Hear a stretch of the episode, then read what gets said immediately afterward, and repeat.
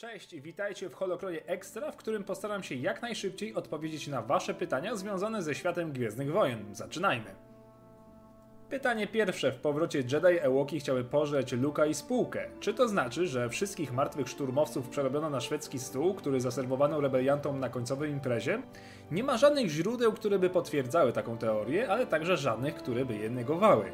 Ciężko jednak sobie wyobrazić, by Luka stworzył Ewoki z myślą, że będą ludożerczymi miśkami, które posiłkują się martwymi ciałami.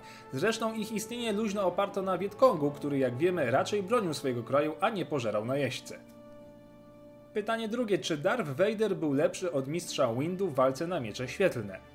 Ciężko stwierdzić, bo do takiego pojedynku nigdy nie doszło. Trzeba by też ustalić, kiedy odbyłby się taki pojedynek, gdyż Anakin był u szczytu swojej formy tuż przed przejściem na ciemną stronę, a następne lata spędzał na doskonaleniu i przyzwyczajaniu się do nowej zbroi, która wymusiła na nim zmianę stylu.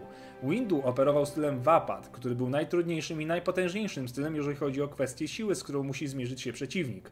Moje osobiste zdanie jest takie: Mace Windu versus Anakin wygrywa Anakin. Mace Windu versus Vader wygrywa Windu. Pytanie trzecie. Czy Obi-Wan Kenobi w jakikolwiek sposób był aktywnym Jedi podczas swojego pobytu na Tatooine między epizodem trzecim a czwartym? Obi-Wan znajdował się na wygnaniu, na którym początkowo rozmawiał ze swoim mistrzem Qui-Gonem i poznał technikę życia po śmierci w formie ducha, którą przekazał jego mistrzowi Yoda, a w międzyczasie doglądał cichaczem swojego podopiecznego w postaci Luka. Przez pierwsze miesiące nie wiedział nawet, że Vader żyje i dowiedział się o tym dopiero po bitwie o Kashyyyk. Obi-Wan nie próżnował i wybrał się na kilka ciekawych misji, m.in. na Belasse oraz na Ilu. Pytanie czwarte. Ilu ludzi zginęło podczas zniszczenia obu Gwiazd Śmierci?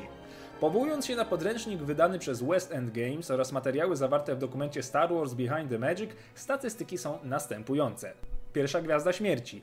Załoga to 265 675 osób, ponadto 52 276 strzelców, 607 360 piechoty, 30 984 szturmowców, 42 782 kadry lotniczej oraz 180 216 pilotów oraz obsługi. W sumie mamy 1 719 293 istnienia ludzkie.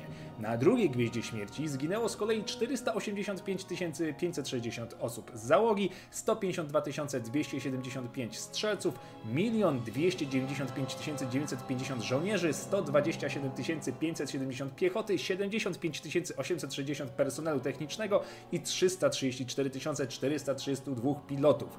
Czyli razem mamy 2 471 647 ludzi. Nieźle jak na grupkę rebeliantów. I pytanie piąte, z jakiej rasy pochodził Joda? Co się stało z resztą jego ziomeczków? Rasa Jody to jedna z nielicznych ostatnich tajemnic George'a Lucasa, której póki co nie zgodził się ujawnić. W kanonie istnieje jedynie dwóch przedstawicieli tej rasy, mistrz Joda oraz mistrzyni Yaddle. W legendach dochodzi jeszcze czterech przedstawicieli tej rasy, z czego istnienie jednego z nich jest anonimowe. Istnieje bowiem jedynie jako twarz wyryta na Russanie w Dolinie Jedi. W oficjalnym podręczniku i bazie wiedzy rasa Jody widnieje jako nieznana. Natomiast w adaptacji książkowej Imperium kontratakuje autorstwa Donalda F. Gluta, Yoda jest nazwany elfem. Dzięki za pytania, jeżeli macie kolejne, zadawajcie je po tym odcinkiem, a ja wykorzystam je w kolejnym wydaniu Holokronu Extra. Dzięki za oglądanie i niech moc będzie z Wami.